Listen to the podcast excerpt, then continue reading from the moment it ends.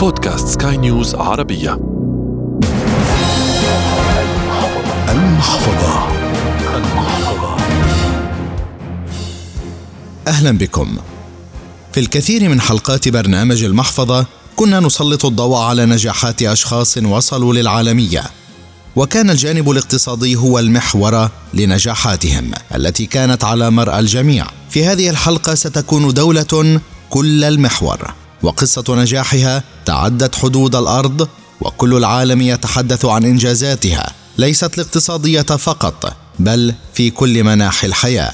بمناسبة اليوبيل الذهبي لاتحاد دولة الإمارات العربية المتحدة حلقة جديدة من المحفظة بدأت وتأتيكم عبر منصة بودكاست سكاي نيوز عربية على أبل جوجل سبوتيفاي أنغامي والعديد من المنصات الأخرى. معي أنا أحمد الآغا فكونوا معنا.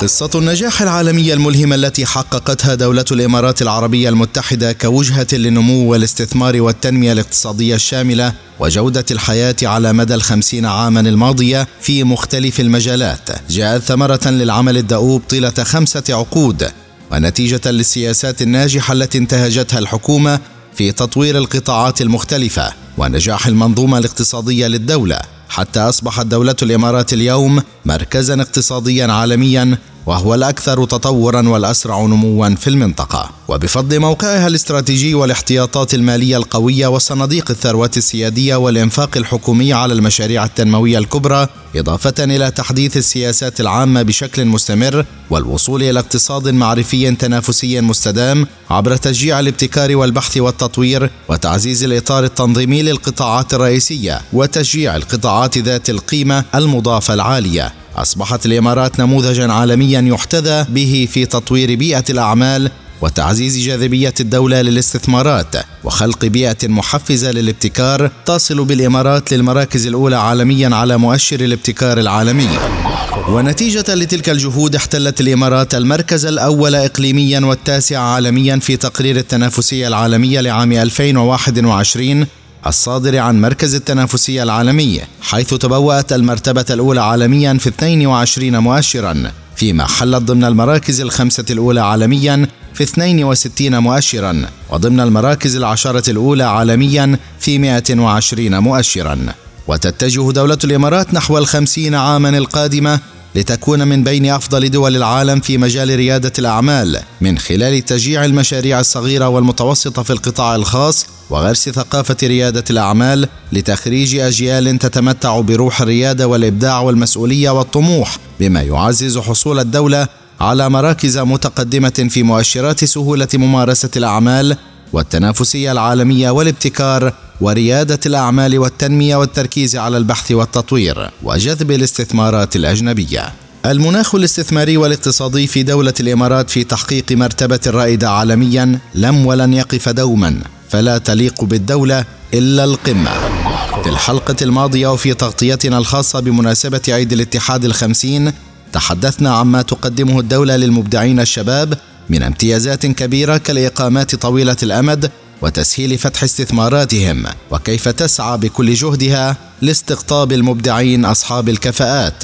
وفي حلقة اليوم خطوة أخرى تنتهجها الدولة منذ البدايات وهي تعزيز دور المرأة في كل المجالات. وكنا قد استضفنا في سكاي نيوز عربية شمس صالح المدير التنفيذي لمؤسسة دبي للمرأة. والتي أكدت أن الدعم اللامحدود الذي وفرته القيادة منذ تأسيس الاتحاد قبل نصف قرن حتى أضحت دولة الإمارات اليوم نموذجا اقليميا وعالميا في دعم المرأة وفي التوازن بين الجنسين بعد أن توفرت للمرأة كل سبل الدعم من خلال التشريعات والسياسات. نحن اليوم من خلال إطلاق تقرير التوازن بين الجنسين الذي يستعرض مسيرة التوازن منذ قيام الاتحاد إلى الوقت الراهن متضمنا أفضل الممارسات في جميع المجالات مع التركيز على ثلاث محاور رئيسية وهي الاقتصاد والمجتمع والحياة السياسية. وهي رسالة قوية من دولة الإمارات إلى قادة العالم بأهمية مشاركة المرأة في عملية التنمية المستدامة في الدول.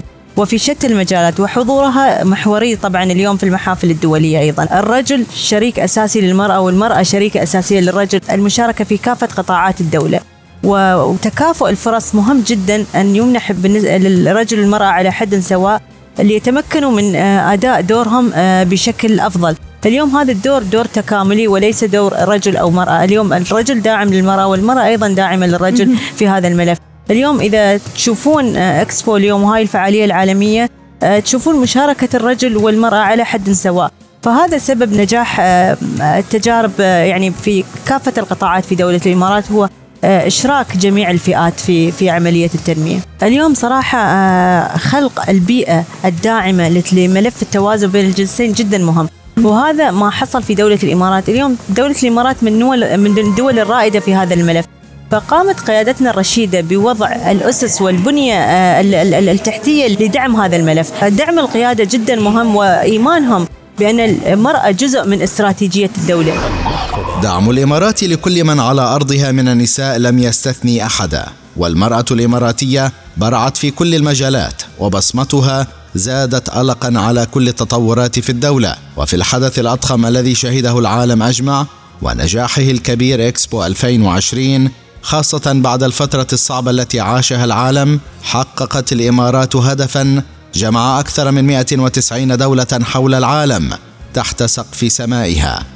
وكان للمرأة الإماراتية دور في الميدان لرفع اسم بلادها. وأحد هذه الأمثلة المخرجة الإبداعية التنفيذية للأنشطة الترفيهية والفعاليات في إكسبو 2020 دبي آمنة بلهول التي أنهت تعبها لأربع سنوات بحدث سيبقى عالقا في الأذهان أضعاف هذه السنوات. الصراحة بدون الفرصة اللي جتني من معالي ريم الهاشمي ومن آه، الفريق فريق العمل ما كنت بوصل وين أنا واصلة. أعطوني الحرية وقالوا لي ابدعي. وأنا حسيت أن عيون العالم كلها علينا. وهذا الوقت الوحيد يمكن يكون أن نحن نلقي آه، قصتنا للعالم. آه، نحن نود عيون العالم كلها علينا. ويا الوقت اللي نحن نحكي قصتنا بدل ما الناس تحكي قصتنا لنا. كان صراحة بدون مجاملة يعني من أربع سنين التوتر فيني. لأن أنا الإماراتية اللي في هذا الحدث في هذا العرض. وكل شيء أحس بحمل على آه، على كتفي. بس سبحان الله الدعم اللي حصلته من معالي ريم الهاشمي آه، يفوق أي دعم ممكن يوصلني. نحن آه، كسرنا قواعد كثيرة في التكنولوجيا. ساحة الوصل قبتها مجرد ما تحطون محتوى على القبة تحتاجون شهور لما تسوونها. رندر اشتغلنا مع ناس من حول العالم في ثواني ممكن تحصلين محتوى على القبة. يعني كل هالأمور اللي ما صارت حول العالم الناس كلها بغت تجتمع عنا وتسوي المستحيل.